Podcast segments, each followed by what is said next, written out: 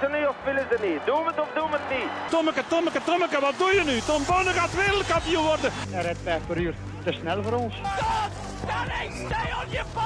Fred gaat. En nog Fred.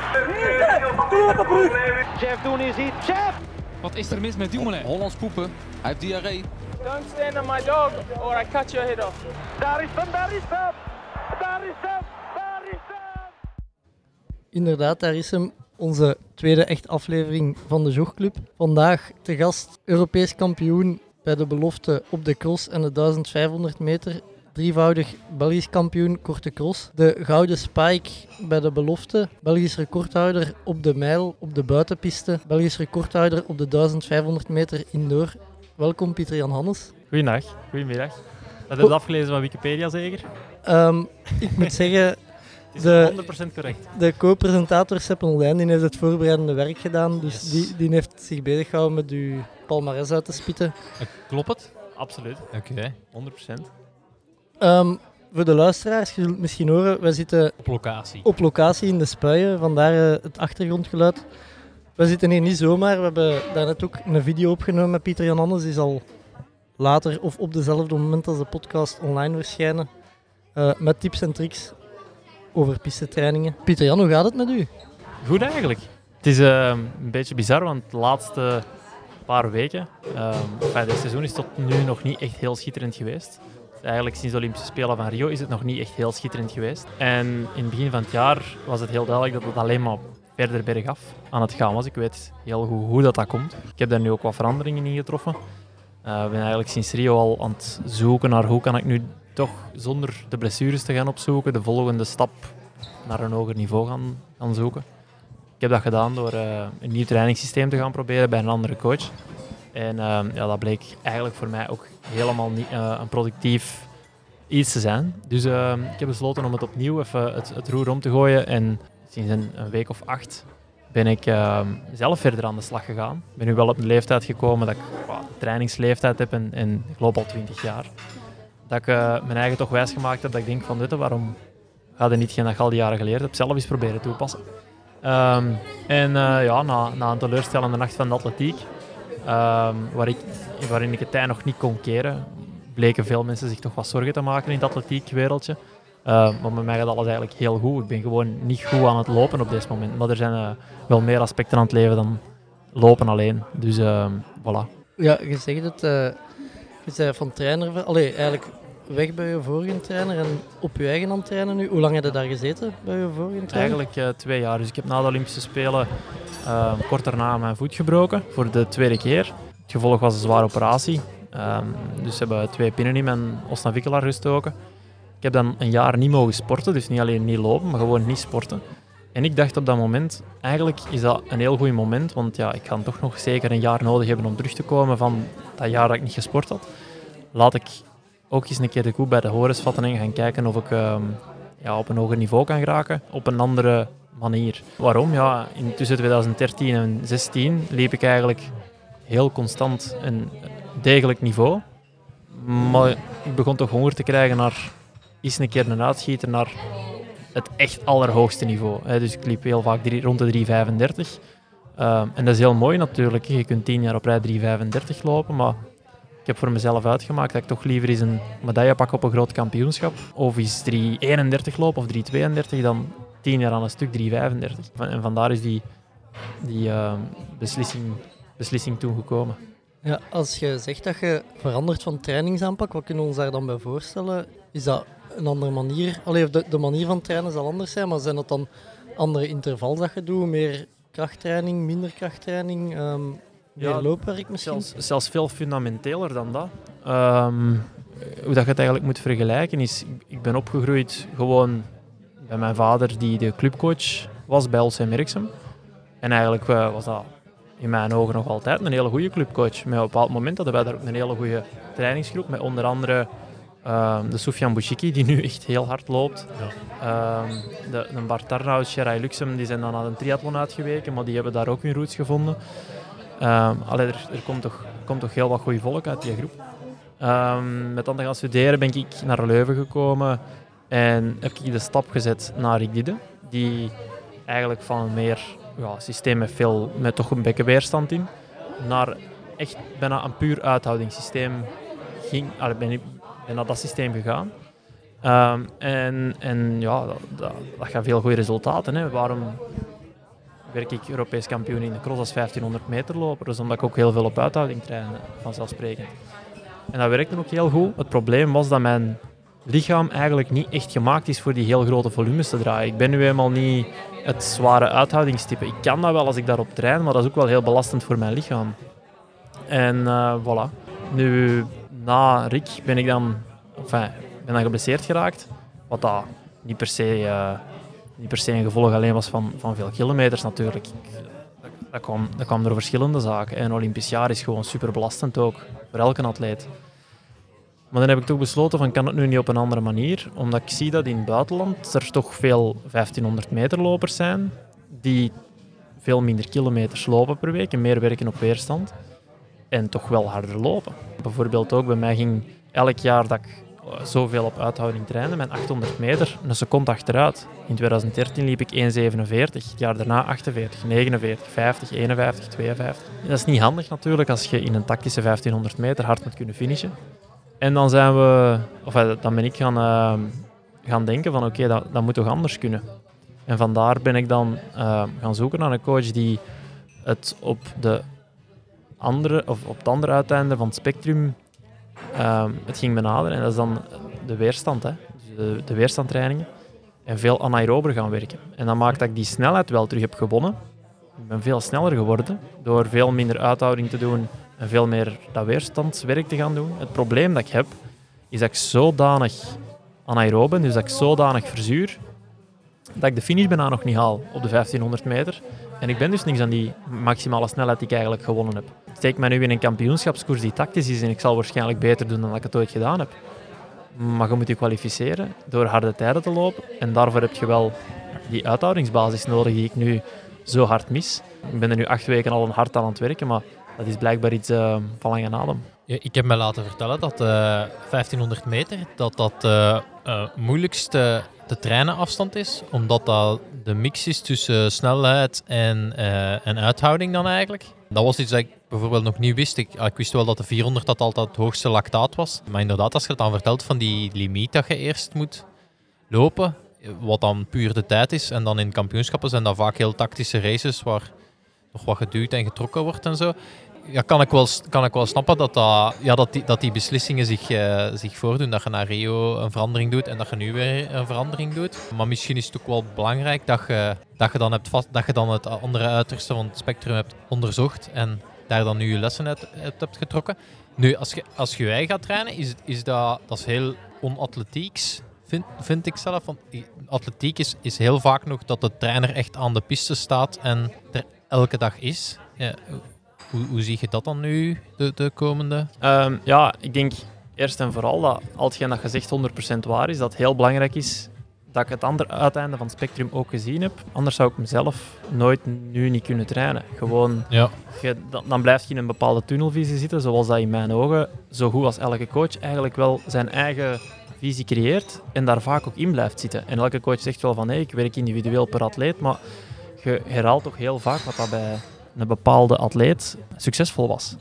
En het is dus inderdaad door het andere uiteinde van het spectrum te gaan opzoeken dat ik nu de twee uiteinden gezien heb en dat ik zoiets heb van laat ik nu mijn eigen theorieën eens ontwikkelen en in het midden gaan werken. Het is ook waar wat je zegt dat er in atletiek heel vaak nog een coach bij staat. Ja. Natuurlijk in een technisch nummer, zoals bijvoorbeeld hoogspringen of verspringen of speerwerpen, is dat nog eens veel belangrijker. Ja. Je kunt dat vergelijken met uh, een zwemcoach. Hè. Die zwemtechniek, ja, dat moet je toch... Ik denk dat dat heel moeilijk is om je eigen dat tot in de details aan te leren. Eh, dat lukt niet, ik kan dat bevestigen. Ah, ja, voilà. ik heb zelf geen... Uh, ik zink hè, in het zwembad trouwens, ik uh, moet het mij niet vragen. Ik zink net niet. Ja. Net niet, oké. Okay. Um, ja, dus... dus dat, dat, dat, dat, is zeker een feit dat er, dat er vaak wel een coach nodig is in atletiek. Nu de 1500 meter, waarom is het heel handig dat er daar iemand bij is? Niet per se een coach, maar gewoon iemand. Omdat je toch een, een, een, een heel speciale mentale barrière door moet. Het gevoel dat je hebt als je bijvoorbeeld een aantal 400 aan het draaien bent en na, je weet, ik heb er 10 opgeschreven en je moet er 10 doen, en het gevoel dat je hebt na 8, ja, dat, je hele lichaam schreeuwt eigenlijk. Ja, klopt. Stop, stop ermee. Allee, Klopt, ja. En dan is het heel goed dat er iemand bij staat, dat je zo toch een beetje die sociale controle hebt en dat je niet achteraf met 20 excuses gaat afkomen waarom dat je er eigenlijk maar acht gedaan hebt en je gaat er eigenlijk tien moeten doen. Ja, ja. En dat is ook een hele dunne lijn natuurlijk, met het feit dat soms, ik zeg maar bijvoorbeeld, je voelt je niet goed en je bent wat ziek, dat het verstandiger is om er acht te doen en net geen tien te gaan doen. ja, dat is waar. Ja. En daarvoor kan een coach natuurlijk wel handig zijn. Ik denk wel dat ik ondertussen de ervaring heb om die beslissingen te kunnen nemen. En het is ook niet dat ik er helemaal alleen voor sta. Omdat, neem nu bijvoorbeeld mijn beste maat en, en kine- en krachtcoach, Kjell de Hond, kan ik heel veel mee babbelen over wat hij denkt eh, over beslissingen die ik neem. Hè. Dus eigenlijk dat Ja. een eh, soort van mijn klaagmuur is. En, en, en daar halen we heel goede feedback uit, maar evengoed eh specialisten op, eh, op het vakgebied. Neem nu bijvoorbeeld, ik kan evengoed als ik met vragen zit, die staan dan wel niet aan de piste natuurlijk, maar als ik met vragen zit aankloppen bij een Peter Espel in de, Ja. in de bakalen, dat kan evengoed. Oké, een, een, klaagmuur zegt natuurlijk niks terug. Hè. Eh, ik, ik- zegt wel iets terug. Ja, ja, dat, nee, dat, dat- dat. Ja, dat, dat, weet heb ik ook al wel ondervonden. hè. Ah, nee, ik, ik her- herken dat inderdaad, want ik heel hard wat gezegd van het mentaal aspect van een pistetraining. Zowel Pieter als ik, ja, we, hebben onze trainer eigenlijk nooit eh, op de, langs de piste staan. Bij Pieter, ja, dat is vooral online denk ik dat, dat die opgevolgd wordt. Wat tegenwoordig ook wel allemaal heel goed gaat, want je, je hebt ongelooflijk veel data dat je haalt gewoon uit je, uit je loophorloge. Maar wij proberen toch ook wel ons, onze trainingen samen te doen en we moeten vaak iets helemaal anders doen, maar ja, gewoon elkaar, gewoon elkaar eh, s- daar samen aan beginnen en daar samen mee stoppen, doet al heel veel. Ehm, wat, mij ook wel opviel, we je hebt daar juist ook even met, met een groep meegelopen, is dat er in de atletiek heel ook elkaar aangemoedigd wordt tijdens een training. Dat, dat, vind ik altijd heel schoon om te zien en dat, dat is iets dat in een zwembad bijvoorbeeld niet gebeurt. Daar, Natuurlijk, eh, ik, ik, eh, ik ga er al vanuit dat je het zwembad ook gewoon niet echt hoort wat dat de, de mensen roepen natuurlijk. Maar het is wel waar wat je zegt. Ja, het is een soort van gemeenschappelijk lijden. Ik vind die trainingen superleuk om te doen en ik loop heel graag. Er is wel een verschil. Er is niemand in de wereld die een 1500 meter training graag loopt. nee. Ik bedoel, er is niks, er is niks plezant aan. Eh, Ik ga ook veel liever gewoon een lange duurloop doen. Als Ja, ik dat mag ja. kiezen en eh, wat babbelen met mensen. En dat is veel interessanter. Maar dat gemeenschappelijk leiden, dat is zeker iets dat, eh, dat, dat heel veel helpt. Ik heb ooit op het, op het Dijlenpad hier, dat is eigenlijk een strook van 4, 5 kilometer. En gemeenschappelijke training tussen aanhalingstekens gedaan met Koen Aert. En Koen ging eh, drie keer 4 kilometer doen. En ik ging ik, eh, iets in trend van 6 keer 1 kilometer doen. Dus we hebben elkaar op heel die training twee keer gezien. Dat is als we begonnen met de opwarming en als we begonnen met het uitlopen. ja, ja, ja. Maar je weet, er is er hier nog een bezig ja, dat is waar. Ja. en die is aan het afzien. En dat helpt al enorm. En dan zijn er nog niet eens op dezelfde piste bezig, maar gewoon al wetende van, oké, je bent samen eraan begonnen en je gaat het samen afmaken en voilà. Ja, dat, dat, dat, dat klopt inderdaad. Allee, dat, dat, is wat, allee, dat is wat wij ook wel zoveel mogelijk proberen om ons, om ons pistetrainingen eh, samen te doen. Ook al is dat totaal uiteenlopend en heeft hij zelfs veel andere, veel andere tempos. En ik denk dat een Bobby, dat, is, dat, jij, dat dat ook, eh, Welk? dat jij ook je pistetrainingen met de... Ja, ik, ik doe inderdaad mijn pistetrainingen met een groep van Kjell. De Uw- extra smilers. Ja, uw kine. En eh, ik moet zeggen, Mij doet dat echt altijd ongelooflijk denken aan de High Mile Club. Ah ja, nee, maar ik moet zeggen, moest die groep er niet zijn, ik zou nooit een pistetraining doen. Puur omdat voor mij is lopen is hobby. En allee, ja, wie gaat er voor zijn voor zijn plezier echt kaart gaan afzien? Elke woensdagavond op de piste, niemand denk ik. Nee, klopt. Ook, ik heb helemaal geen, geen wedstrijdambitie eigenlijk. Eh, dat is meer voor gezond te zijn. Dus ja, dan is dat wel gemakkelijk als, je, als er elke woensdagavond een groep klaar staat waarvan dat je weet, die mannen gaan ook afzien en die gaan ook lopen. Maar, maar jij loopt ook allemaal verschillende... Ja. Het is niet dat je allemaal hetzelfde schema Nee, doet. nee, het nee, is dat gewoon dat allemaal is gewoon verschillend. Ja, dat is- samen opwarmen, samen ja, loslopen en voor de rest doet iedereen zijn training. En je moet daar toch, allee, ik neem ik aan, toch progressie van voelen in je gewoon normale looptrainingen dan. Hè? Dus als Ja. je die pistetrainingen dan doet, kan ik me voorstellen dat zelfs voor, als je zegt van ik heb geen wedstrijdambities, dat dat toch helpt om... Ja, ehm, maar ik moet nu zeggen, ik heb vroeger heel veel gelopen. Een jaar of vier, vijf geleden. Dan ging ik praktisch elke dag lopen met Seppe. Eh, en dan heb ik eens twee jaar niks van sport gedaan. Dus ik kom ook wel van heel ver. Dus Ja. gewoon elk soort beweging dat ik doe, maak ik progressie. Ehm, al is het met mijn fiets naar de winkel gaan. Ik denk dat ik daar nog altijd beter van word. Wat dat natuurlijk bij topsporters niet zo is. Spijtig genoeg. Ja. Iets anders als misschien Pieter Jan Anders misschien wel vooruitstrevend dat je nu als een van de eerste in atletiek zegt, ik ga mijn eigen trainen. Wij, Seppen en ik, wij kennen u eigenlijk een beetje als een vooruitstrevende, want Ja, enkele jaren geleden hadden de befaamde KZ-TV, waar Ja. dat wij grote fan van waren. enorm grote fan. Ja. Zo groot zelfs, Seppen is starstruck. Ja. ja. zo groot zelfs dat wij, eh, dat wij vorig jaar voor het WK in Zofingen s'avonds nog wat afleveringen van KZ-TV erdoor getrokken hebben. Ja, was wel mijn slechtste WK ooit. maar Maar ook dat- die, die reden van dat WK was eigenlijk wel een beetje... Wat ik daarnet wou zeggen was van... Ik heb toen ook echt met een bovengrens van qua trainingen... En ik was eigenlijk overtraind aan de start gekomen van dat WK. En dat is heel dwaas, want ik offer daar een WK mee op. Maar achteraf bekeken... Er zijn niet zo heel veel mensen dat weten dat daar hun bovengrens ligt. Dus ik weet Hm. nu wel wat die is en je Voilà. kunt daar rekening mee houden. Dus allee, dat is ook wel in die richting. Een carrière duurt eh, langer dan is één WK natuurlijk. Hè. Ja, ja, dat is waar. Dat is waar. dat eh, tegenwoordig vaak vergeten wordt. Ja, maar ga maar verder, Bo. Ja, wat ik dan eigenlijk wil vragen is, zie jij jezelf daar ook een beetje in als een voortrekker binnen de Oh. atletiek, van met nieuwe dingen uitproberen? En... Ik, eh, niet zozeer, ik doe dat nu niet speciaal om voortrekker te zijn, maar dan, dan heb ik een idee en dan werk ik dat gewoon graag uit. En of dat het dan lukt of mislukt, ja, eigenlijk lig ik daar niet te veel van wakker. Ik vind dat dan ook niet erg als dat dan mislukt. Neem nu bijvoorbeeld, ik vind, ik vind het mag ook allemaal niet te serieus zijn. Eh, bijvoorbeeld, ik ben nu zo met wat vlogjes begonnen ook. Ik vind dat wel tof om te doen. Ja, ook heel goed Ehm, trouwens. Ja. En ja, ik probeer die toch wat iets informatiever te maken dan dat KZ-TV was. Maar ja, ik, ik amuseer me daar wel mee. En ik doe die ook gewoon wanneer ik daar goesting in heb. Het is ook niet dat ik ga zeggen van ik ga ze elke twee weken doen, wat dat, of, zelfs wekelijks, wat eigenlijk veel beter zou zijn voor die vlogs. Maar ik ben nog altijd wel een loper. En ik, ik handel veel vanuit mijn buikgevoel. Als ik ergens goesting in heb om dat te doen, dan, dan doe ik dat gewoon. Nu, wat qua andere ideeën, ja... ehm, ik denk dat het heel belangrijk is in atletiek in, ja, het, is, het is al een sport waar dat sponsoring al moeilijk is.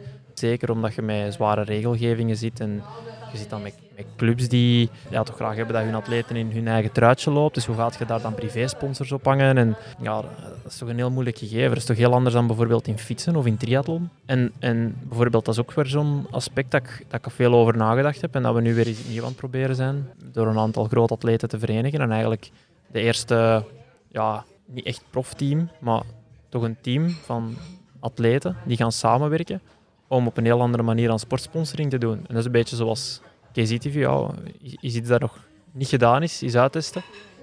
Maar dat is gewoon omdat ik ermee zit en dat ik dat eens wil uittesten. En dat is nu niet speciaal om vooruitstrevend te zijn om vooruitstrevend te zijn. Maar ja, KZTV, als we, waren het er, eh, als we aan het voorbereiden waren, hadden we het erover, dat dat eigenlijk, ja, nu met alle YouTube-kanalen en zo, misschien was dat ge- gewoon ook wel iets, te, iets, iets dat te vroeg was, als er een tijd was voor, voor, vooruit. Ja, dat is zoals Biker Boys in een tijd dat dat op tv Ja, kwam. ja. Dat snapte ook niemand en nu zou iedereen dat waarschijnlijk super grappig vinden. Ja. Inderdaad. natuurlijk. Ja, toen was dat ook. Hè. Vloggen, dat werd nog niet echt gedaan. En dat was toen zo, wat zijn die nu eigenlijk aan het doen? En ja, ik denk, ik denk eh, dat, dat, dat, dat dat gewoon voor veel mensen die dat dan wel begrepen, wel leuk was. Gewoon omdat we wel de nodige portie zelfspot hadden om eh, Ja, het ook niet te serieus te gaan maken. En ik denk, nu zijn er toch veel mensen die echt vloggen, die het ook echt bloedserieus Ja, ja. doen.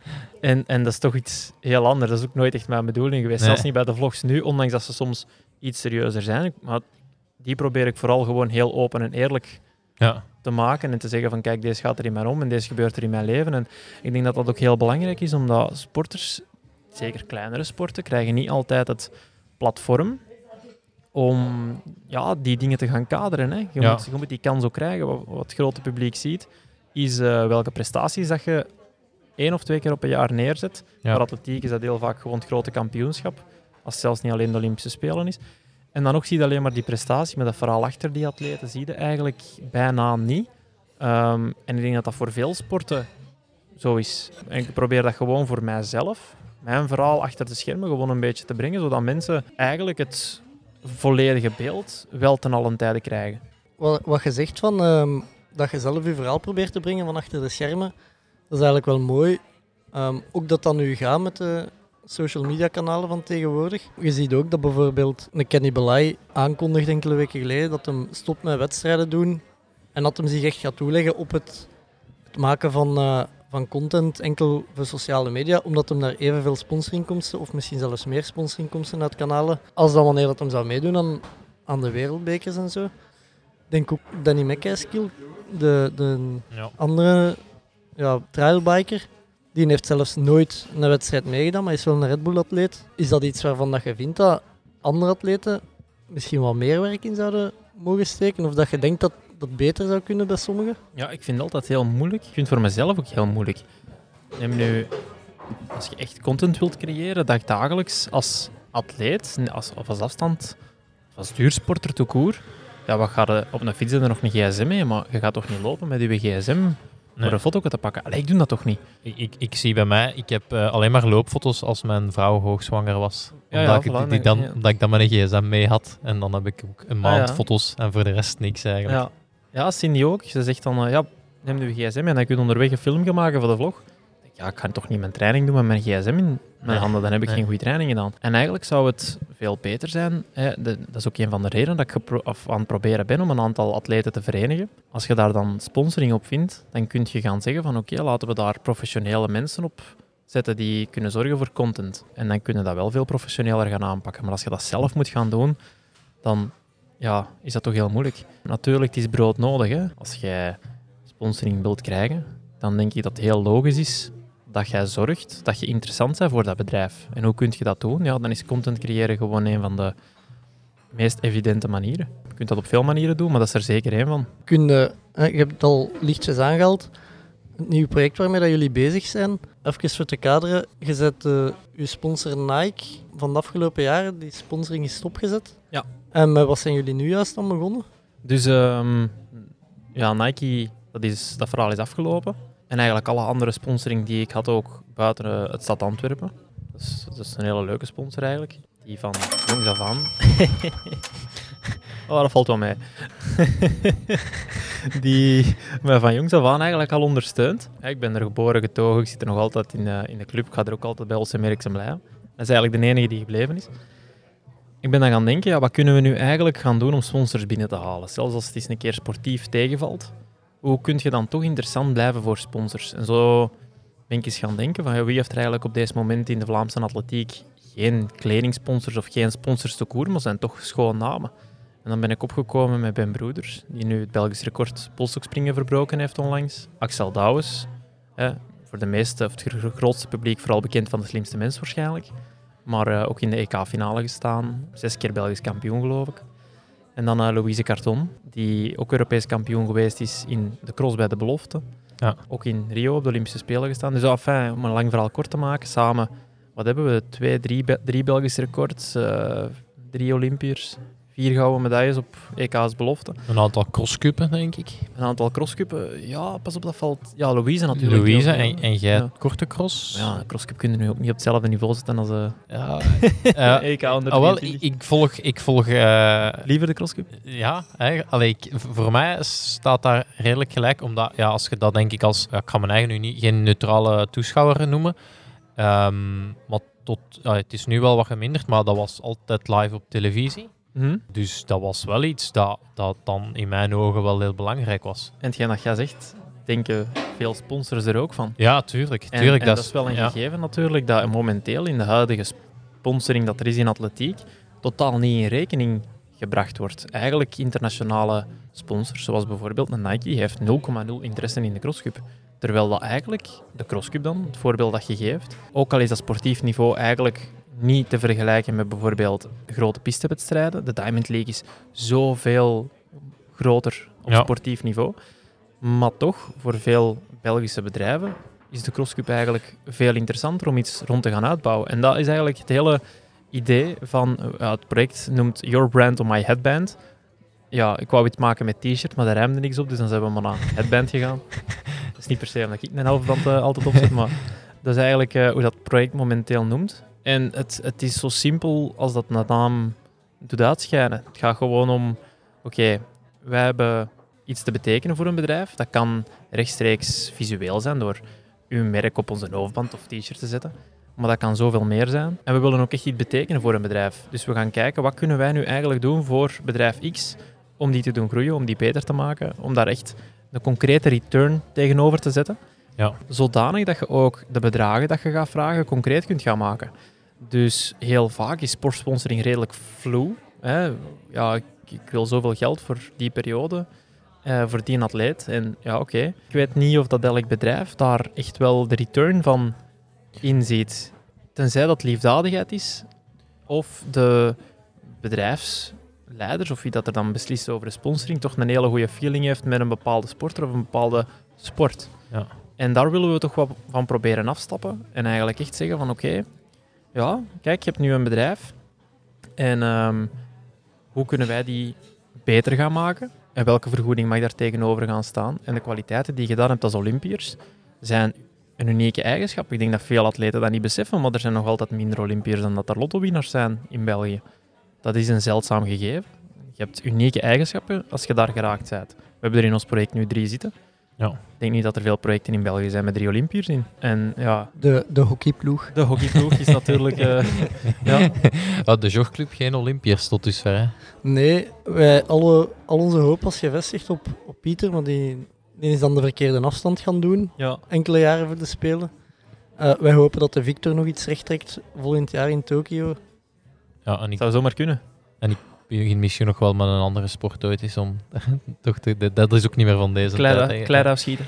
Eh, ik heb ooit wel eens daarmee mee, bezig gehouden van oké, wat is nu, wat is nu eh, echt haalbaar om, om te doen, maar dat was echt nog niet zo, als je daar dan in begint te verdiepen, het is, het is Dat is echt, niet zo echt simpel. niet simpel om Nee. op de Olympische Spelen te geraken. Moderne pentathlon misschien, dat is nog zoiets eh, relatief jong nog. Ja, klopt. Ja, wat is dat? Is dat niet met paardrijden? en Ja, zo? dat is de, de, leger, de legersport. Dus Ja. ehm, lopen, zwemmen, Zwemmen. schieten Met allemaal paardrijden. en ja. paardrijden. Ja, ja. Ik ga echt niet, ik moet me echt niet op een paard zetten, denk ik. En schermen zit er ook tussen. Ja, ja. En ik heb Ik schrik van paarden. Ja. dus. Uw, uw loopstijl zou vermoeden dat je... Dat er een paard tussen Dat mijn er benen uitgetrokken benen zit, Dat is de fiets, dat is de fiets dat ze Ah, ja. tussenuit is, eh, is Een gehaald. stalen ros. Ja. Ja, en, en, en om, om terug te komen op, eh, op dat project. Een van de eerste bedrijven die ik ben gaan aanspreken daarin, met dat idee, was eigenlijk BioRacer. Eh Belgisch bedrijf, in te Senderlo. Ook dat valt zeer goed mee. Je mocht sponsors vernoemen, maar we hebben er een jingle voor gemaakt. Ja, dat is nieuw sinds deze aflevering. Eh, gelijk alle goede dingen proberen wij te innoveren met de podcast en af en toe voegen we dan een jingle toe. Ja, In de tweede aflevering hebben we een intro toegevoegd. Ja. Ik eh, hou mij vast voor de tiende. maar gaat Wij ook. Ja, maar eh, in, in, in, heel dat, in heel dat project is het dan ook echt wel de bedoeling ehm, om, om die druk ook wel wat weg te halen bij sponsors. Dat je niet alleen maar afgerekend wordt op je resultaten, maar dat je ook een deal kunt maken met een bedrijf die daar los van staat. Die Ja. je altijd kunt nakomen, ook als je blessures hebt. Ook Klopt. als je, ah, oké. Dus, dus dat is een heel belangrijk gegeven. En ga zelfs verder dan dat, door ons te verenigen, kun je eigenlijk een heel jaar door interessante content gaan bieden voor een bedrijf met verschillende atleten. Stel, je hebt toch een bedrijf die zegt, ja, wij willen toch visibiliteit creëren. Heel concreet. Louise loopt in de crosscup in de winter heel goed in de picture, Ja. maar loopt 5000 meter in de zomer. Als ze er twee loopt, heeft ze er veel gelopen. Tegen Ben, niet te zien heel de winter, maar die jongen die springt wel 20 tot 30 wedstrijden in de zomer. En je gaat eigenlijk door met verschillende mensen te werken, ehm, ja, meer mogelijkheden krijgen om return te gaan bieden. En dus hopelijk in eh, de toekomst daar ook centen mee te gaan verdienen. Hè? Ja, ja. En, eh, want je was aan het vertellen over de, de samenwerking met BioRacer. Wat is de win-win? Ja, dus bij BioRacer is het mooi. Eigenlijk was ik gewoon op zoek naar een bedrijf die in staat was om een goede speedsuit te maken. Ik loop graag in een speedsuit. En natuurlijk, ja, ze zijn heel bekend in triathlon, in, eh, in het fietswereldje. En ik denk dat iedereen wel weet dat ze daar ook heel goed in zijn. Lopen zijn ze eigenlijk totaal niet bekend in. Ik wist ook niet dat ze echt loopkleren hadden. Waren het niet voor eh, opnieuw Kiel dan, met de extra mijl die hun loopkleren nu bij BioRacer al halen. En ik heb een eh, fietsoutfitje van de extra mijl waar ik heel graag in rij. Ik denk, ja, eigenlijk die stoffen zijn heel goed. Ik ga daar eens eh, binnenspringen, ik ga dat eens vragen. En zij hebben eigenlijk direct gezegd van, ah wel, weten wat, wij gaan eigenlijk het eerste bedrijf zijn die instapt in jullie project. Ehm, dus wat zijn we nu aan het doen? Wij helpen hen om op een hoger niveau te geraken, net zoals dat we met andere bedrijven willen doen, in hun loopkleding. Dus we gaan hun helpen om ehm, nog betere loopkleding te blijven maken, te innoveren daarin. En we gaan die ook naar de man brengen. Dus eh, eigenlijk op dat moment zijn wij het eerste project en, en het enige merk dan BioRacer die de kleren die gedragen worden door de topatleten ook effectief gaan verkopen. Nike, Adidas, Asics, New Balance, noem het maar. Ja, dat is allemaal niet te koop. En dus je, ziet wel atleten daarin lopen en je denkt, oh, ik, er is, een topatleet, ik ga dat merk ook kopen. Maar je draagt dit helemaal anders. Je draagt eigenlijk maar een flauw Afkooksel. afkooksel Ik, van het ik- origineel. Ik, ik wist dat zelfs niet. Ik, ik dacht dat dat, dat dat wel gewoon hetzelfde was als... nee, eh, totaal niet. Oké, Zelfs de spikes zien er bijvoorbeeld hetzelfde uit, maar is iets heel anders al. oké. Ehm, en, en dat is eigenlijk niet echt juist, denk ik, tegen... Ja, als, als bijvoorbeeld nu de speedsuit, waar dat mijn broeder zijn Belgisch record in gesprongen heeft, die gaat gewoon perfect te koop zijn. Dus als andere jonge polstokspringers graag die speedsuit willen, Ja, kan perfect. En het zal identiek hetzelfde zijn. oké. Dat is, wel, dat is wel straf eigenlijk, dat je dat zegt, dat die kleren een flauw afkooksel zijn, om het met seppen zijn woorden te zeggen, bij andere merken. Want ik weet, in de wielerwereld bijvoorbeeld is verboden om met dingen te rijden die niet in de handel Ja. verkrijgbaar Ja, zijn. in atletiek is diezelfde regel er ook. En we hebben nu een hele discussie in het atletiekwereldje aan de gang over eh, cheater spikes. Je hebt die misschien gevolgd over de Vaporfly 4%, die marathonschoen. Ja, waar onze Peter mee loopt. Hè. Ja. Ah, ja, ja. ja, langs de andere kant. Dat zou stom zijn om niet te doen, want je loopt er effectief rapper Ja. Dus dat is wat hij ook zei, Het is een ja. gegeven. Nu, de Vaporfly 4% loopt er rapper op, maar is ook te koop. Dus dat is geen probleem. Nu hebben ze een eh, Spike-versie daarvan gemaakt en die is niet op de markt, maar er worden momenteel wel veel records ingebroken door verschillende atleten. En daar gaat dan de discussie over van ja, eigenlijk zou dat niet mogen. Het is waar wat gezegd. Ja, Piet- Pieter had eigenlijk ook al hetzelfde probleem, want die, die wou ook met die schoen lopen. Maar omdat dat geen gesponsorde atleet is, heeft hij daar heel lang op moeten wachten. En, Ja, en, eh, Het is heel moeilijk om ze te krijgen. dus, dat, is, eh, eh, dat zijn de schoenen die hij misschien wel miste in Samorin, waar dat hij in de laatste kilometer voorbijgestoken werd door Kienle. ja, wie ik weet. zeg het, het is drie, drie seconden per kilometer in mijn ervaring. Ja, Je moet het wel aankunnen. Het is, ook Ja. wel, het is niet dat iedereen Ja. er zo zomaar kan aantrekken en drie seconden per kilometer rapper gaan lopen. Je moet ook wel de kuiten hebben om het rond te krijgen. Je moet die plaat ook wel geplooid krijgen. Dus je moet wel Ja. krachtig genoeg zijn en je moet een zeker niveau hebben om ermee te kunnen lopen. Ehm, maar als je het kunt, ja, zet je er effectief rapper op. En ja, die, die, die kleding bijvoorbeeld, de Vaporfly, je moet er lang op wachten, maar je kunt hem kopen. Maar die kleding, identiek, is gewoon niet te koop, enkel op de zwarte markt. Dus bijvoorbeeld al de gesponsorde atleten krijgen dan één of hooguit twee stuks. Ehm, en daar moet je het gewoon mee doen. Toen ik een Instagram-post deed dat ik gesponsord ging worden of samen ging werken met BioRacer, kreeg ik internationaal, dus over heel Europa, berichten op mijn Instagram om mijn oude Nike-tenuques te mogen kopen. Gewoon omdat die, ja, waar dat de atleten in lopen, wel degelijk een verschil op zit met hetgeen dat verkocht wordt. oké. Dus tweedehands.be is ook al een sponsor van u binnenkort? Of, eh? Nee, nee. Dat is wel geen stom idee. Ja. Eh, Kunnen, kunnen we misschien een aantal van, van onze tweederangsatleten gaan op eh, aanbieden, zoals mezelf? ja, ik heb zelf twee jaar geleden al een prototype gelopen. Dat is wel van, eh van Hoka One One. Ja. Ehm, dat ik dan loop. Maar Is het One One One of One One? Het is One One. One One. Ja, ik heb dat ook maar... eh, Oh ja. Na een jaar had ik dat ook maar door. Goh, slechte namen. Ja. En ik... ehm, wat mij vooral opviel, ze, ze hadden, dat was echt een prototype van die carbon, zo- eh, met een carbon zool in eigenlijk. En ik, ik heb echt eh, heel hard moeten opzoeken van, mag, mag dat wel? Ja. Van mij, maar daar zijn blijkbaar tot dus- dusver geen regels over, over wat er Ik denk dat alleen een veerelement Hm. niet in een schoen mag, maar dat voor de rest nog wel alles mag. Maar, Ja. Goh, natuurlijk, stel dat het niet zou mogen, dan... Ja, allee, ik zal het zo zeggen. Je kunt eigenlijk ehm, zo'n carbonen plaat in eender welke schoen gaan leggen of ja, steken. Het is niks, het is niks, eh, uitzo- al, het is niks uitzonderlijk. Of, elke schoenfabrikant zou het in principe moeten Ja, kunnen doen. Ja. klopt. Ja, en eigenlijk zelfs, neem nu bijvoorbeeld, er zijn winkels die erin gespecialiseerd zijn, zoals in België RS Lab. Als, zij, als je een specifieke schoen hebt dat je zegt, ik wil absoluut daarmee lopen, maar daar zit geen carbonen plaat in en ik moet een carbonen plaat hebben, ben er zeker van dat ze dat erin gaan kunnen steken. Ik heb ooit product development gedaan voor de spikes van de Olympische Spelen 2016. En dan ging het erover van hoe sterk moet die carbonen plaat zijn. En dan haalden ze die er gewoon onder het zooltje in en uit. En ze kleefden die er gewoon in met een stukje duct tape. En test maar eens. En voilà. Want het is misschien ook wel een manier om eh, in de atletiekwereld, waar niet zo heel veel innovaties zijn, als, Ja, ik, dat, als ik dat vergelijk met de eh triathlonwereld. Ik, ik had bijvoorbeeld twee jaar terug heb ik nog eens een veldloop meegedaan. En dat was 15 jaar geleden. Dat ik dat nog gedaan had. Dat was van, van, van echt bij de jeugdcategorieën. Ik heb ze hebben toen eh, op het tijlenpad hier crosspike zien testen. Ja. Eh, maar ehm, dat was, eh, dat was heel grappig. en ook een klein beetje tristig wel om te zien hoe dat dan nog altijd hetzelfde was. Ja. En ik ging gewoon naar, die, naar dezelfde tent en ik zei, is dat hier nog altijd met crosskaartjes? En is dat nog altijd een dagnummer dat ik kan kopen? Ja.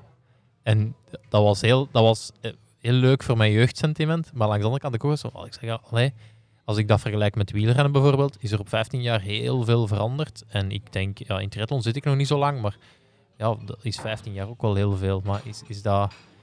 Misschien is, dat, allee, misschien is dat daarom ook wel goed dat het, dat het toegelaten is, dat er in die schoenen is wat veranderd, dat daar... Ja, ik denk in, ehm, dat, er, dat er veel dingen beter zouden kunnen in atletiek. Maar in atletiek ehm, is het ja, heel moeilijk om heel veel innovatie te gaan doorvoeren zonder, ehm, ja, zonder oorlog te starten. Hè. Ja, Het, is, eh, het, is, het, is, het is echt millimeterwerk.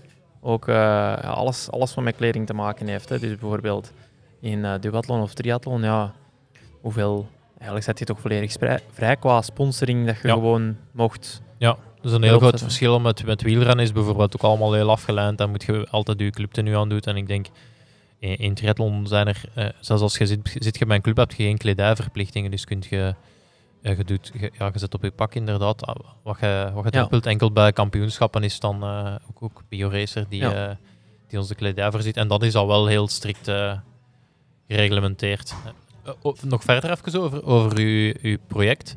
Ik, als, ik het, als ik het de eerste keer zag en zo, ehm, ik, snap het, ik snap het idee wel, maar ik kan me ook wel inbeelden voor een bedrijf dat het, dat het allemaal wat vaag is om, eh, om, om erin te stappen. Het is ook redelijk vaag. Ja, Ehm, omdat er zoveel mogelijk is dan. eh, Ja, absoluut. Ik wil op deze moment ook niet deuren toedoen, juist omdat dat, eh, dat tailor-made, dat op maat gemaakte return-programma, eigenlijk veel meer mogelijkheden biedt. En uiteindelijk, ook de naam bijvoorbeeld, is echt belachelijk lang. Your brand on my headband. Niemand in de wereld die dat ooit gaat googlen.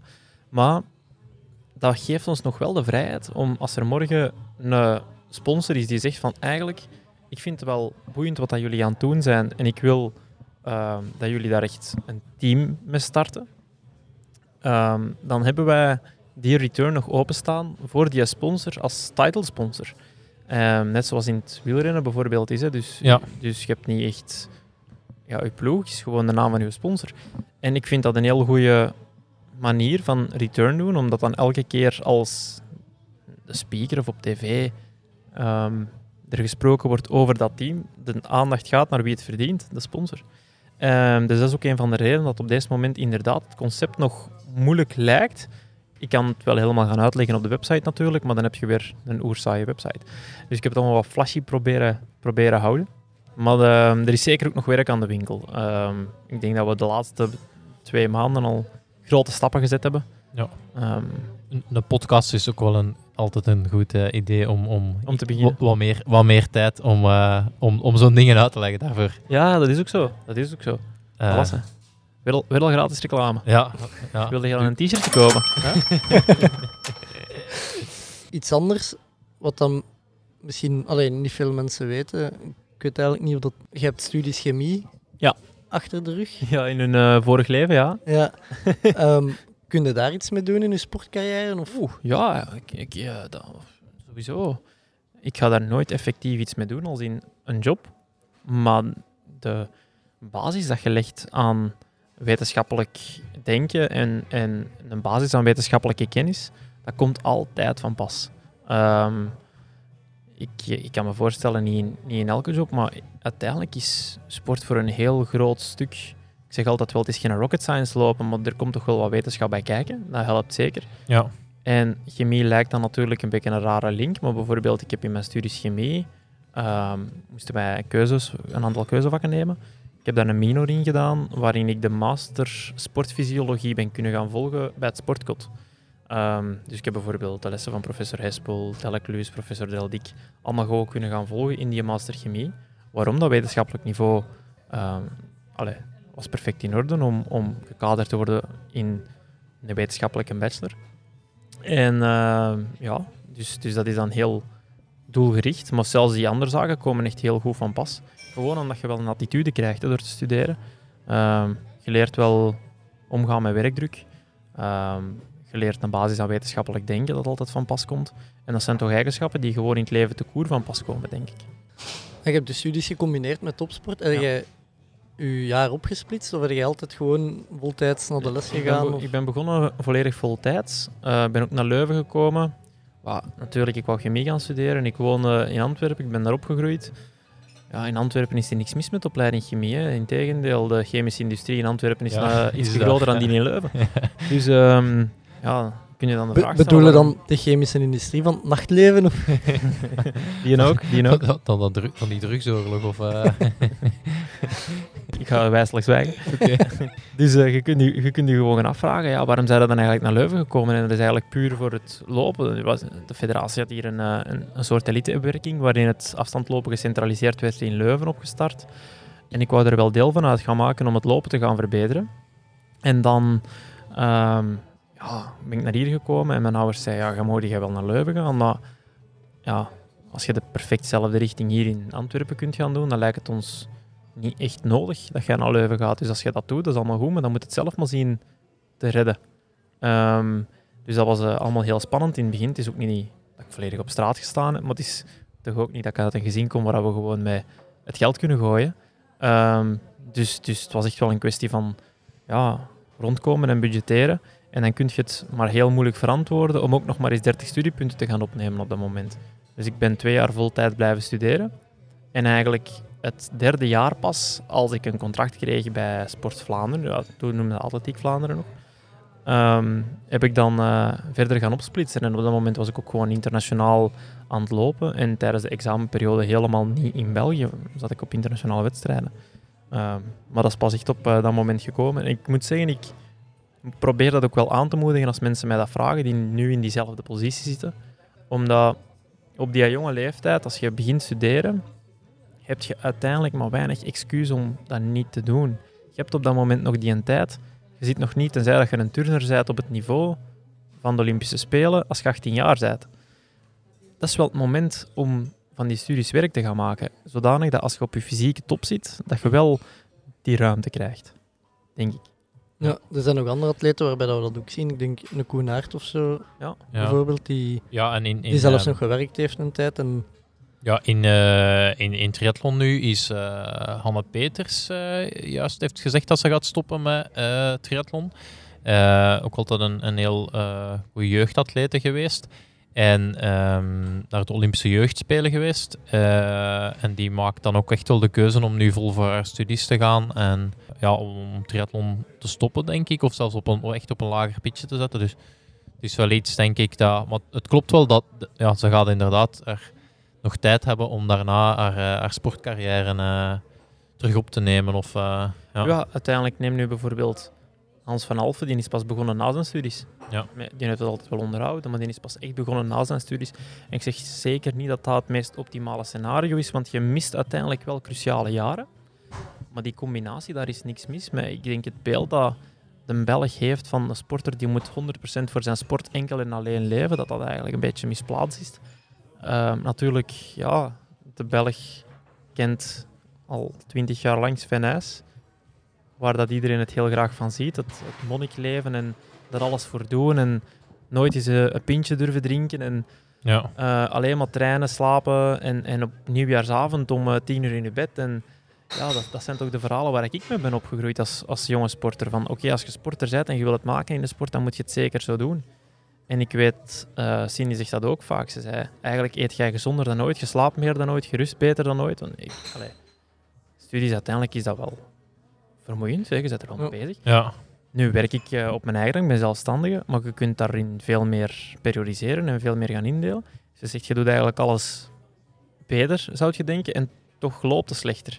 Uh, dus dat is zeker niet een heilige graal uh, om, om, om de top te bereiken. Ik denk dat een gezonder levensevenwicht veel belangrijker is. Ja, je ziet ook wel vaker bij atleten die dat de ene keer dat ze stoppen met werken, die eigenlijk ja, slechter gaan presteren om, juist omdat ze geen afleiding meer hebben naast de sport. hè. Ja, Eh, en de druk stijgt ook. Hè. ja, Ja, inderdaad. inderdaad. Ja. Iets anders, Trouwens nog zeggen dat eh, Pieter Jan mij havermout heeft leren eten, dankzij Kids TV. ja, dat klopt. Eh, de, de beelden dat Pieter Jan alle winkels in Leuven gaat leegkopen Ja. met haver. Was dat echt zo? Ja, Dat er een was haver echt dan een havertekort. En eh, dat kwam eigenlijk... Ja, sowieso. De, allee, er was ergens een mislukte oogst eh, blijkbaar geweest bij Kwaker. Maar ook, die gingen dat formaat vervangen. En ja, Van kleine naar grote dozen? Of? eh, of omgekeerd. Ah ja. Ik denk dat die echt grote dozen nu eruit zijn en dat ze naar Ja, kleinere dozen ja gingen. dat hè. klopt. Ja. En ehm, ja, dat was zo'n transitieperiode. En er was nergens nog echt de goede haver te krijgen. En voilà.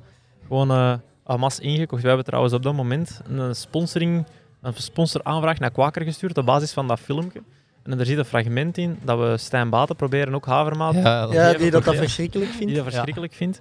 En ehm we hadden ze bijna bij totdat ze helemaal op het einde van die Dat zagen. aflevering dat zagen. En ze zei, ja, we kunnen jullie toch niet sponsoren? Jelle zit hier eigenlijk te tonen hoe ja, ons product slechte reclame is ook reclame. Ja, het is dat. En ik je ben, wel, ik ben wel ermee... Ik, ze hebben meer verkocht, want ik ben beginnen kopen natuurlijk. Voilà, ik ga deze podcast bij deze ook naar eh, PepsiCo Kwaker sturen. Ja, we kunnen, we, kunnen nog eens, eh, we kunnen nog eens iets proberen. Hè. Ja, Misschien met absoluut. nieuwe, in, nieuwe, You never know.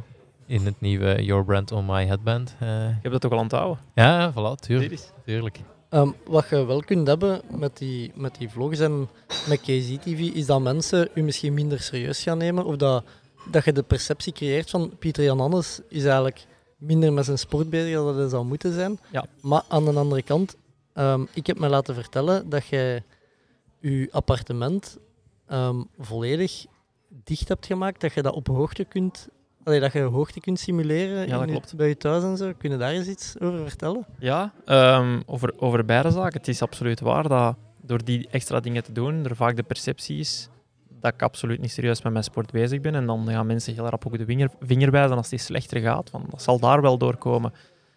En ik vind het eigenlijk verschrikkelijk irritant. Ehm trek me dat niet aan, dat is nog iets anders. Maar het heeft daar totaal niks mee te maken. Ehm, het is absoluut waar dat ik eigenlijk ja, op een heel serieuze manier met mijn sport bezig ben. Alleen niet 24 op 7 kan ik daar met mijn hoofd aan bezig zijn. En, dat, is een het nuanceverschil. Maar al die ehm, ja, zaken die echt heel belangrijk zijn, heb ik altijd heel wetenschappelijk gaan uitzoeken en testen en bena allee, gaan kijken van oké, hoe kan ik dat hier nu optimaliseren? Ik heb bijvoorbeeld heel veel atleten die in een, eh, een hoogtetent slapen. Ik heb bijvoorbeeld heel veel eh wielrenners in het peloton die de vlogs kijken. Eh, ik kreeg dan een paar berichten van, van echt een paar heel grote, ik kan nu geen namen noemen, een paar echt goede wielrenners. Ik ja zeg, dat is wel eh, een knap systeem dat je daar hebt kunnen, hè, want we zijn een huis aan het bouwen, kunnen wat meer over vertellen. Ehm, en dat ik dan vroeg van, ja, wat plannen nu te doen? En dat ze eigenlijk gewoon plannen om een hoogtekamer te maken met de gewone generatorjes die je gebruikt voor een hoogtetent.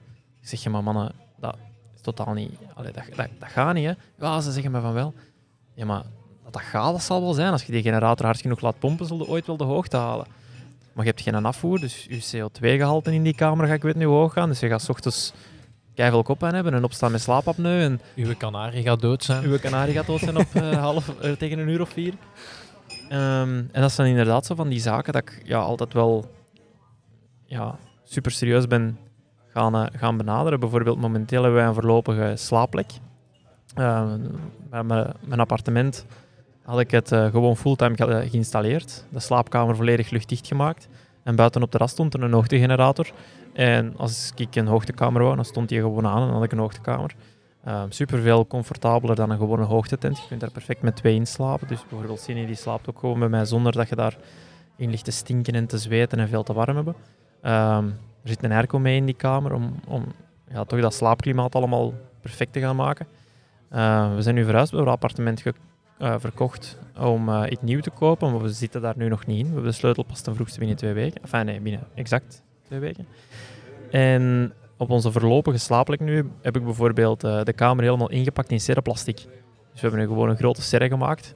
En die generator, die, zijn darmen komen daarin uit. Die generator staat aan de andere kant van het gebouw, dat ik er geen last van heb. Ehm, om toch maar opnieuw een hoogtekamer te hebben. Hè. En ja, ook al gaat het lopen, dan het minder. Dan, eh, ja, ik heb er toch alles voor, alles voor gedaan. Ja, en ehm, die permanente hoogtekamer, hoe moeten we ons dat voorstellen? Heb je dan gewoon alle spleten dichtgetaped met duct tape? Of? Ja. Zo simpel is het. Bijvoorbeeld de sleutelgat, gewoon duct tape op. Oké. Je kunt natuurlijk als je een nieuw huis zet, daar allemaal wel rekening mee gaan Ja. houden. Maar er komt toch wel wat bij kijken. Je verschiet ervan hoeveel... Neem nu bijvoorbeeld een sleutelgat, heb ik mij ooit laten vertellen. Stel dat je alles volledig perfect toemaakt en je vergeet je sleutelgat, dat je toch nog 40% ehm, van je luchtcirculatie behoudt. Door het Ah. sleutelgatje maar. Dus zo'n Ja, dat- klein dat zal- dat zal een zorgt soort al voor van- zoveel... Communicerende vaten. Met Ja, je krijgt inderdaad ook eh, een overdruk als je de lucht gaat bijpompen in je kamer. En de kamer daarnaast is er minder druk. Ja. Dus je lucht loopt gewoon weg en er komt andere lucht via een andere spleet wel ergens binnen. En dus het is, eh, ja, het is nog wel uitdagend soms. En heb je dan in die permanente hoogtekamer een gat in de muur geboord of zo voor Ja. die darmen? Ja. Ah, oké.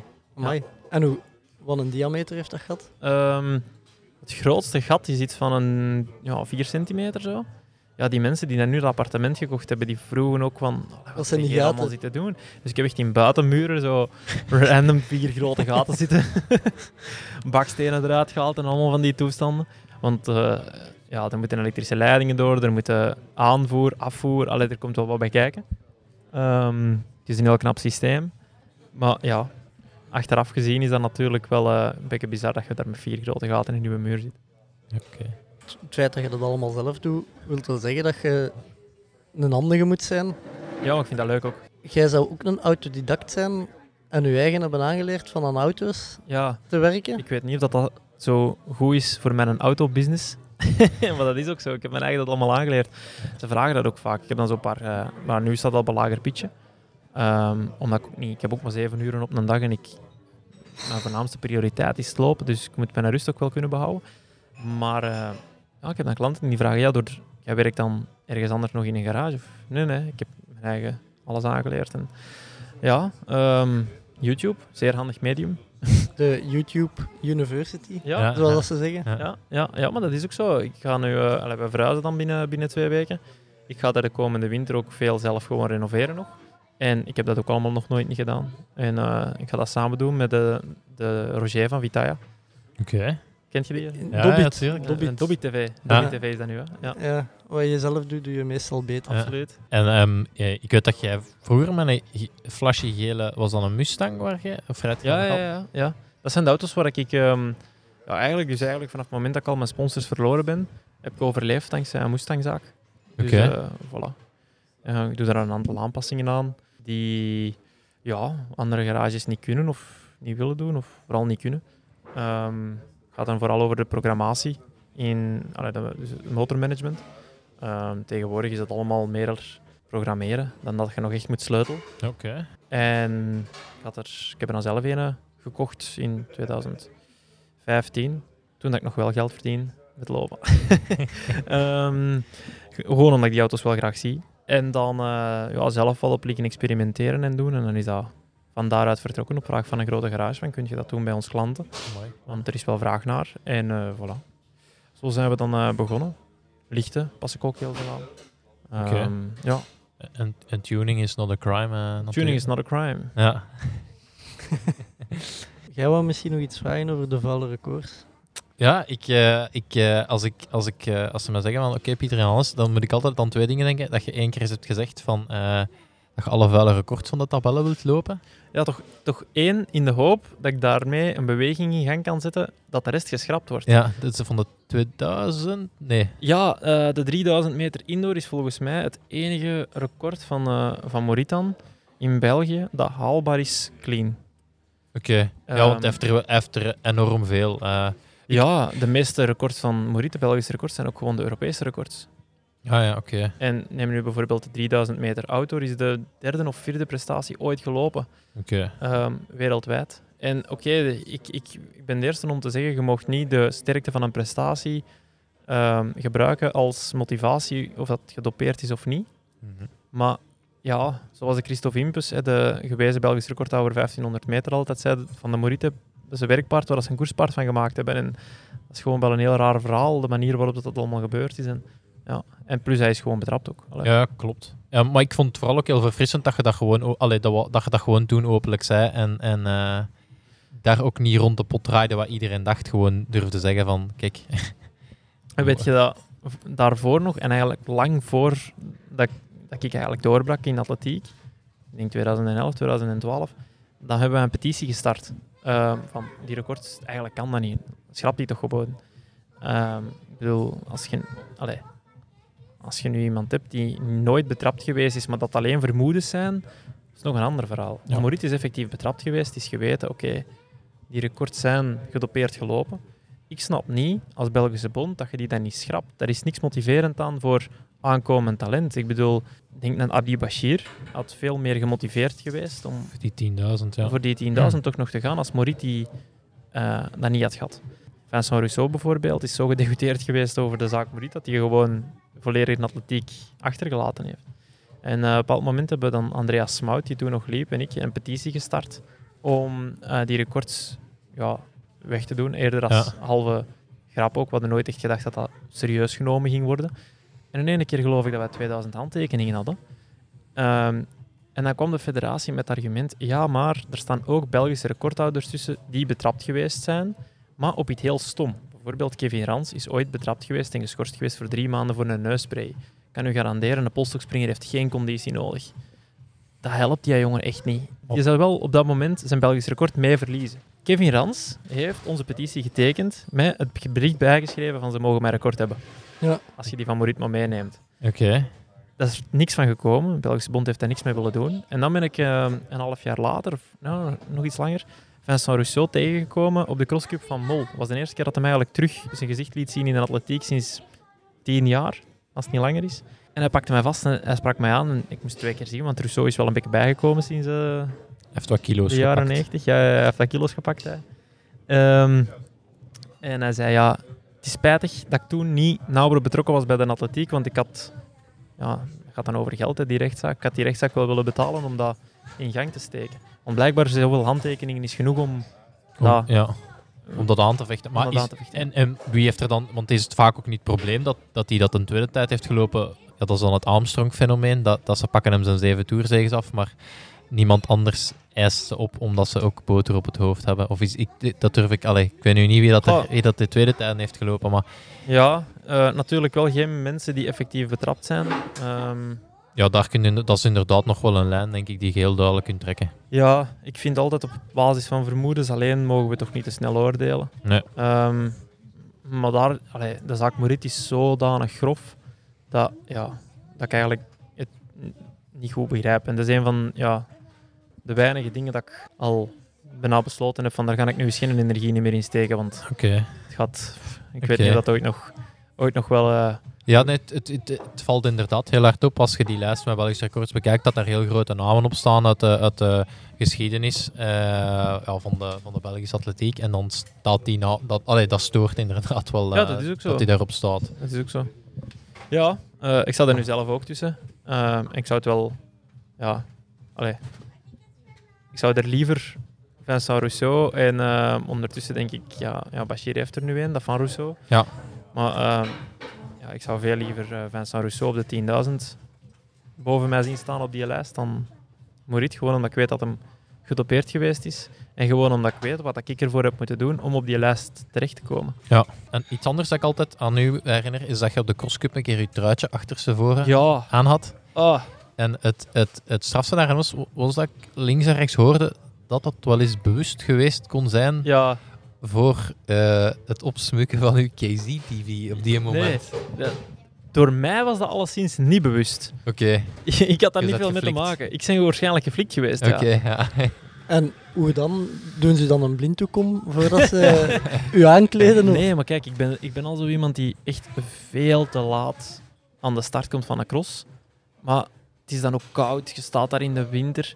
Ik heb echt geen goesting om een half uur aan een stuk ervoor mijn broek uit te doen, mijn trui uit te doen en daar, allee, gelijk een halve garen in een korte broek en een singletje te gaan staan dood te vriezen tot je eindelijk mocht starten.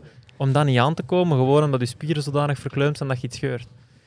Dus ehm, iedereen stond al eh, klaar aan de start. Er stond echt ja, 50, 60 man al klaar in een box om te vertrekken. En ik moest eh, natuurlijk mijn broek nog uitdoen en mijn shirt nog aan doen, dus dat moest een beetje vooruit gaan. En die nummer die ophing, stond op voorhand aan de foute kant gespeld. En ik heb gewoon mijn shirt aangedaan met mijn nummer aan de voorkant en er niet op gelet. Beginnen lopen en achteraf pas op de foto's gezien van, zeg, tja, precies uw shirtje achterstevoren aan. Ja, het viel vooral op omdat de anderen waar je mee samenliep hadden hetzelfde singlet aan, denk ik. En ja, het viel gewoon op omdat het leek dat jij een ander eh, model had. Ja. Het was gewoon Ja. achterste, achterste voren aan. ja. De enige crosscup wel dat ik ooit gewonnen heb, hè, met mijn shirt achterstevoren. Dus Echt? kan het iedereen maar aanraden. Oké. Was een spannende sprint, denk ik, hè? Met Isaac Ja. Ja. klopt. Heel bizar verhaal hoe dat al allemaal gelopen is. Ja, vertel. Boah, een, ki- een kilometer van het einde loop ik nog zeker 100 meter achter. Ja, Piepen dood. Ik kon niet, ik kon echt, ik was dood, ik kon niet meer. Kimeli had echt al, allee, iedereen van het kastje naar de muur gelopen. En we gaan de laatste berg over en ik wist dat is ongeveer nog een kilometer. Ik zeg, ik ga nu toch gas beginnen geven en ik, ga er een paar, ik kan nog iemand proberen oprapen. Maar iedereen was zo dood van die koers, dat ik eigenlijk ja, begon te schuiven en te schuiven. En in ene keer zag ik terug Kimeli voor mij lopen. Ik zeg, ja, ik ga er nu ook nog naartoe. En wat doet hij? Die kijkt achterom en die begint te wachten voor de sprint. Ik denk in mijn eigen, maar als je nu gewoon doorloopt, dan heb je me gewoon ja, ja. waar ja. dat je me hebben wilt, want Ja. ik, kan, ik raak er nooit niet meer bij. Echt piepen dood. Dus we hebben die kilometer alle twee volgens mij gejogd. Ik ben erbij gekomen en ik heb puur op bluffpoker mij op kop gezet. De laatste bocht vol aangegaan. En Isaac heeft het opgegeven, 200 meter voor de meet. En En je hebt ja, gewonnen. ik heb gewonnen. Ja. En ik weet nog altijd niet hoe dat, dat gebeurd is. Oké, ja, dat was echt ook wel, dat was wel propaganda voor het uh, veldlopen. Voor het veldlopen, Ja, dat was een schone dag, dat, dat is was, waar. dat was, eh, Dat is waar. Maar er is, eh, er is veel dat mij nodig heeft. Hoho. ja, Zullen we misschien stilletjes aan beginnen afronden? Of zijn er nog dingen, Seppe, die, die jij wilt weten? Als, als, als grote fan van KZ-TV. Ehm, ja, hoe is, hoe is, hoe is KZ-TV eigenlijk gestopt? Gestopt? Hoe is, hoe is dat? Hoe is dat? Hoe is dat? Eh, het, het programmeren was echt eh, er, er te veel aan op een bepaald moment. Vooral om die ondertitels. Had ooit al eens ondertitels willen, maar dat is echt een hel. Tegenwoordig ehm, gaat dat makkelijker, Ja, dat, dat kan ik wel wel. zeggen. Ah ja, ja, ik, ja dat was nog in het stenen tijdperk U- dat u- dat nog allemaal heel deed- moeilijk was. Deed Steven dat of deed jij dat? Of Ik, was... Ja, oké. En dat was een beetje het probleem ook. En wat, dat, wat dat ik mij afvraag als ik dat bekijk is... eh, schreven jullie op voorhand de script? Of was dat gewoon alles uit de pols en Gewoon gelijk de scènes tien, met, met tien een uur basis? filmen en nu gaan we dat knippen tot 15 minuten. Ja, een, een half uur vaak wel. Dat ook al, voilà. En komt er geen, eh, geen eh, reunie of geen, eh, geen director's cut of zo? Of, of geen... geen, geen de, Oh. Een sequel? Ja, ja. Ik moet eerlijk zeggen dat eh, het echt al heel lang geleden is dat ik Steven eigenlijk nog gezien heb. oké. Eh, dat gaat gewoon zo in het leven en je groeit uiteen als mensen ook. En Ja. voilà. Schone tijden, hè, daar niet van, maar eh, andere prioriteiten en andere, andere, andere zaken. En ja, zo gaat het. Hè. Eh, wat kunnen we deze jaar nog verwachten van, van Pieter Jan Hannes? Ik loop, kunnen we nog aan het ehm, werk zien? Ja, ik loop nu nog de meeting voor MON in Leuven. Dat is eh, deze zaterdag, dus de 17e. En dan de 24e loop ik de Grand Prix van Brussel. Om dan de week nadien het Belgisch kampioenschap te lopen. En normaal gezien is dat het einde van het seizoen. Ik hoop, ehm, ik denk nog niet dat ik iets eh, al te spectaculair ga kunnen laten zien, maar ik hoop gewoon een beetje ehm, ja, tijd te kunnen keren. En toch eh, rendement te zien van het trainingswerk dat ik nu de laatste acht weken gedaan heb. Hopelijk kan ik, of heb ik de balans terug kunnen herstellen van veel te anaeroop naar toch iets meer terug uithouding. En dan daarna ga ik me even toeleggen op de opkuis en de renovatie van de hoeve die we gekocht hebben. Een nieuwe project dat we daar starten, Fermecour. Nog een project zeg. Allee, druk nog maar eens op knop. Ja. Ja. De, ehm, want eh, daar gaan we trouwfeesten organiseren, dus dat moet allemaal nog wel wat properder gemaakt worden. En dan daarna gaan we terug eh, de crosscup in. Ik ga ehm, nog eens een volledige crosscup lopen, niet de lange cross. Ik ga eh, de korte cross Tof, doen. ja. Ja. ik vind dat heel tof eigenlijk. Eh, het enige probleem dat ik altijd heb met die crossen is, ik doe dan eigenlijk zelfs graag die lange cross, maar dan sta ik hier aan de start en als ik daar dan vijftiende ben, omdat ik dat als training wil doen, dan krijg ik achteraf weer zo'n een hoop zever op mijn doos. En, Ja, dat, dat, dat klopt wel. Maar dat, op dat gebied denk ik ook wel dat het, dat het niet handig is dat je een vlog hebt. En ehm, ik merk dat zelf. Ik, ik, eh, ik heb een blog bijvoorbeeld. Mhm. En het is gewoon ook niet leuk om dat altijd maar zo'n dingen uit uitleggen. te, blij, uit te leggen. En Ja. dan denk ik ook wel van, goh, ja, ik moet nu iets schrijven, een wedstrijd is niet goed geweest. Ik kan dat wel uitleggen, maar dat komt ook... Ja, je hebt het Nee. gevoel van, oké, dat ik kom hier gewoon niet goed over. Dat heeft Ja, iedereen denkt dan dat je excuses aan het Dus verzinnen bent. Dus dat is dan denk ik wel een, een, een eh, negatief kantje aan het, aan het heel actief aanwezig zijn op, eh. Op YouTube en, en eh, 100% met de vlog. waar. Ja. De mensen die meer informatie willen over al uw projecten, hè, Your Brand on My Headband, Ferme Koer of over Pieter Jan Anders zelf? Waar kunnen u vinden? Ehm, alles vertrekt van op mijn eigen Instagram, PJHannes. Oké, top. Bedankt voor je aanwezigheid, Pieter Jan. En veel succes. Graag gedaan. Merci mannen. Willen ze niet of willen ze niet? Doen het of doen het niet? Tommeke, Tommeke, Tommeke, wat doe je nu? Tom Bonne gaat wereldkampioen worden. Hij rijdt 5 per uur. Te snel voor ons. Fred gaat. En nog Fred. Doe op de brug. Jeff doen is iets. Jeff! Wat is er mis met Dumoulin? Hollands poepen. Hij heeft diarree. Don't stand on my dog or I cut your head off. Daar is hem, daar is hem. Daar is hem.